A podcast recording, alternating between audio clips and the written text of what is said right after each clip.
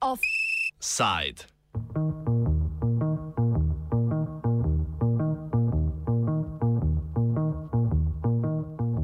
Načrt za okrevanje prijateljev.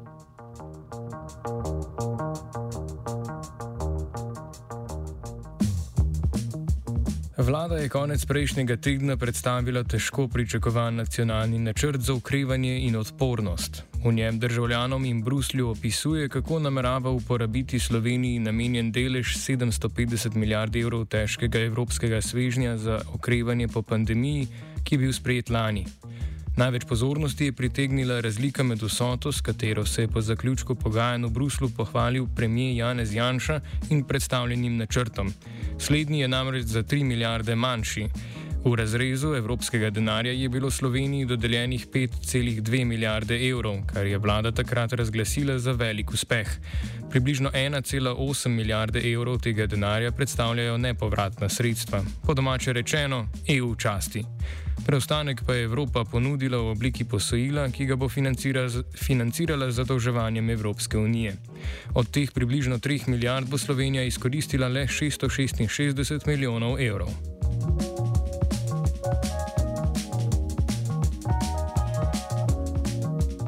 Na vladi so povedali, da so se za to odločili, ker se Slovenija lahko že brez tuje pomoči na finančnih trgih zadolži praktično za ston.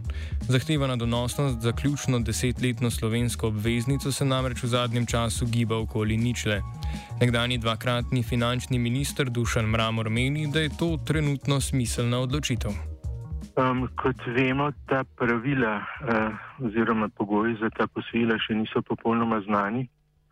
Eh, seveda se predpostavlja, da bo lahko Evropska unija z pač, jamčenjem celega evropskega prostora uh, manj tega ne, in da bo zato obrestne mere oziroma pogoji boljši doseženi, kot bi ga do, jih dosegli posamezne države, če bi same izdajali, ampak to še ni, uh, to še ni jasno, zato tudi ne vidim nobenega razloga, zakaj bi se okrog tega kaj dost rečemo, sekirali, vse imamo še določen čas in če se v tem času izkaže, da je bolje, da se zadrži sama Slovenija, se zadrži sama, če pa drugače gre pa preko Evropske unije.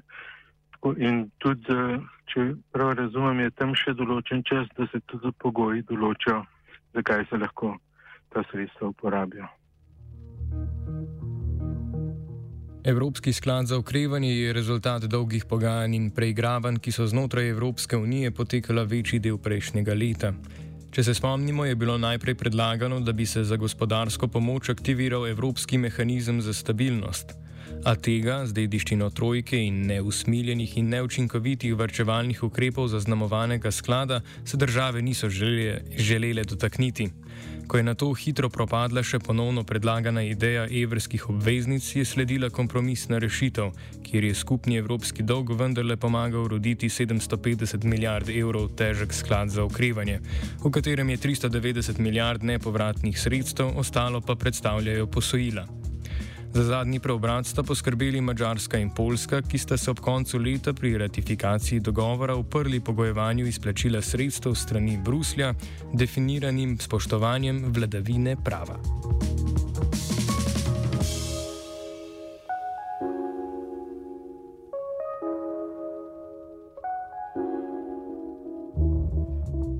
Do konca prejšnjega tedna bi morale države članice predstaviti in v Bruselj poslati načrte za porabo svojega deleža pogače za okrevanje. Del dogovora o skladu za okrevanje je bilo tudi navodilo, da se morata približno dve petini sredstev porabiti za zeleni prehod in približno petina za digitalizacijo. Mramor komentira smiselnost takšne razporeditve sredstev. Je tukaj je zdaj uh, zelo jasna debata kaj bi bilo bolj prav, da več za digitalizacijo ali več za infrastrukturo, pri kateri resno zaostajamo. Uh, tukaj seveda so zelo jasne pozicije, nekateri so mnenja, da v bistvu damo še premalo za digitalizacijo, tako recimo do neke mere stališče ljudi na umarju. Um, jaz sem to malo pod vprašaj postavil, zaradi tega, ker če pogledamo, kakšen je potem pa to multiplikator bruto domačega proizvoda, je pa relativno nizek, saj za nas, če se bomo digitalizirali, se bomo veliko tudi z pomočjo, z uvozom teh storitev. Eh, in se bojim, da je bila ta razporeditev tega paketa, ki je bil po, po nasprotovanju teh hanzeatskih držav vseeno sprejet, da bo ta razporeditev neoptimalna za nas, za Slovenijo. Nepremagljivi problem skupne evropske gospodarske politike so velike razlike v razvitosti med najbogatejšimi in najrevnejšimi deli EU-ja. Merjeno z ustvarjenim bruto domačim proizvodom na prebivalca je ta razlika približno desetkratna. Ta poenoten načrt evropskega okrevanja zato tudi ne ustreza vsem državam in je predvsem odraz razmerja moči znotraj Unije. Recimo romunski in bolgarski finančni minister oziroma premije sta izpostavila, da, da je problem za te države, ki so v periferiji, če imajo tako določeno, kam smejo v bistvu vlagati taka sredstva, ki so neka stimulacija za gospodarstvo po, po krizi.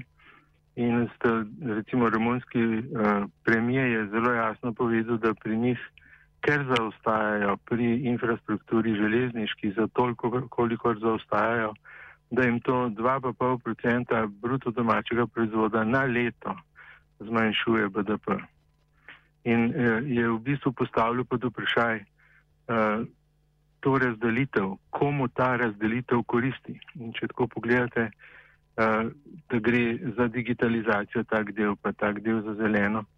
To pomeni pravzaprav, kdo bo, katera država znotraj EU bo od tega največ imela. Seveda tista, ki ima na tem področju daleč najbolj razvito ekonomijo.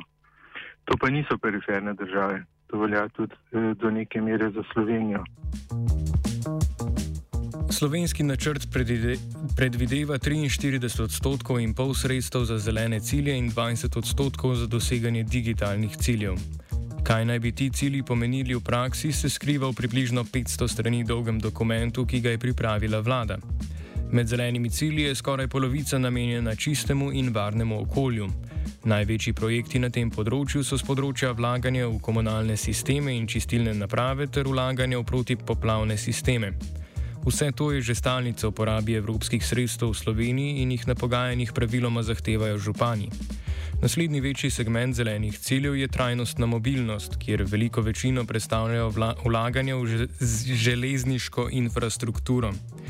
Financirani bodo projekti, ki se že valjajo v predaljih Ministrstva za infrastrukturo, naprimer obnova proge Ljubljana-Borovnica ter nadgradnje železniških postaj Domžale, Grosuplje in deloma Ljubljana.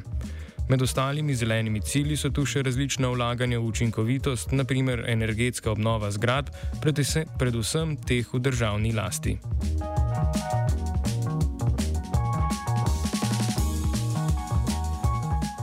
Podobno pri digitalizaciji država financira predvsem svoje potrebe.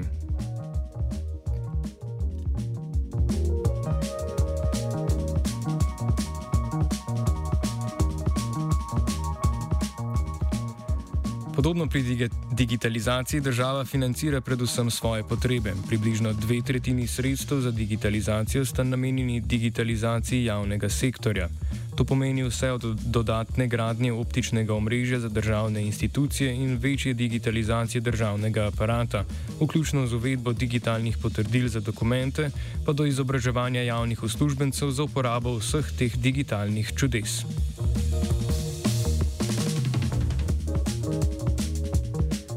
Sledijo investicije v različne oblike raziskav, razvoja in pomoči gospodarstvu pri modernizaciji, predvsem ministru za gospodarstvo ljubemu turizmu.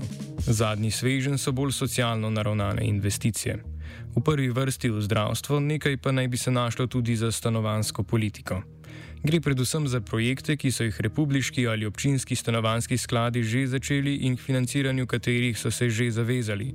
Tu bodo torej evropska sredstva nadomestila državna ali občinska.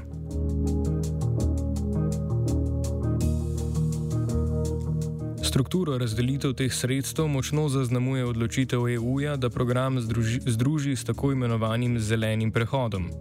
Šlo je za politično pripravno rešitev, saj je bilo zaradi pandemične krize lažje doseči dogovor o porabi denarja za okoljske investicije. A kot meni Mramor, to ni nujno tudi ekonomsko najbolj smiselna rešitev.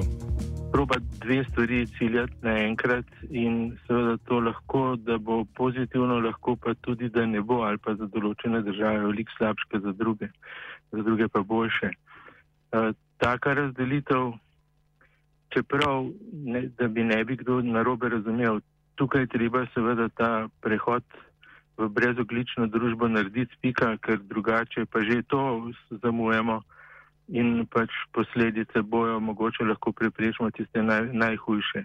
Vprašanje je, s katerimi sredstvi, na kakšen način in ali so sredstva, ki jih nekako izgovoriš za, eh, za izhod iz nekega res kriznega položaja, ne, ali, so, ali je dobro takrat kombinirati še en drug cilj, um, mislim, da je to lahko mal problematično.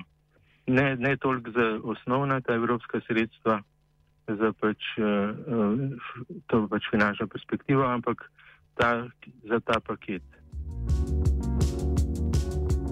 Zanimiva je primerjava z ZDA.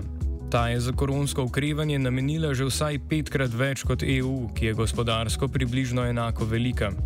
Ameriški predsednik Joe Biden želi sedaj sprejeti še dva svežnja, enega infrastrukturnega in drugega bolj socialno naravnanega, kar v skupni vrednosti nanese okoli 3000 milijard evrov. Razlika se je pokazala tudi ob nedavni objavi številko gospodarskih aktivnosti. Ameriško gospodarstvo se je v prvem četrtletju letošnjega leta, glede na enako četrtletje lani, povečalo za več kot 6 odstotkov, evropsko pa zmanjšalo za nič celih 6 odstotka. Mramor meni, da tako kot v ZDA povratna sredstva ne bi smela biti del reševalnega paketa in nadaljuje. Tukaj lahko vidimo lep primer, eh, lepo primerjavo z, z ZDA. ZDA so enostavno. Prvič tisti paket, eh, ena pa četrtkrat večji kot je naš paket. Poleg tega je to paket, ki je, to niso krediti ali pa majhen delček, eh, potem to vse prevzame zvezdna država in potem ona gre v infrastrukturne, primarne infrastrukturne investicije. Zato, eh, to, če to paralelo z evropskim načinom, kjer se najprej skregamo, da tega sploh ne sme biti, ker pač sever, uh, severne države, hanzeatske, uh, nasprotujejo, seveda vedno nasprotujejo temu. Uh, potem se nekako dogovori in potem se naredi en tak, rekel, uh, ušiv kompromis, rečemo temu, ker dobiš neki nepovratnih sredstev, pa še ti boš moral vrniti skozi nek proračunski vir in tako naprej da je potem ta takojšna reakcija na negativno, na šok, eh, zbledi. Ob branju slovenskega načrta za okrevanje je opazna predvsem dvojnost med zelo definiranimi usmeritvami in precejšnjimi konkretnostmi. Pardon, med zelo nedefiniranimi usmeritvami in precejšnjimi konkretnostmi, ki jih najdemo med projekti, ki naj bi te usmeritve in cilje zasledovali. Predvsej očitno je torej, da so konkretne želje prišle prve, na to pa so na vladi okoli njih spletli strategijo, katere namen ni začrtati prihodnji razvoj Slovenije, temveč upravičiti želje tistih, ki so bili povabljeni k mizi pri oblikovanju načrta.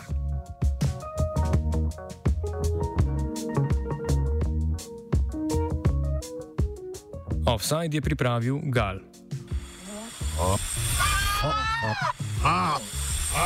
Oh. Off. Off.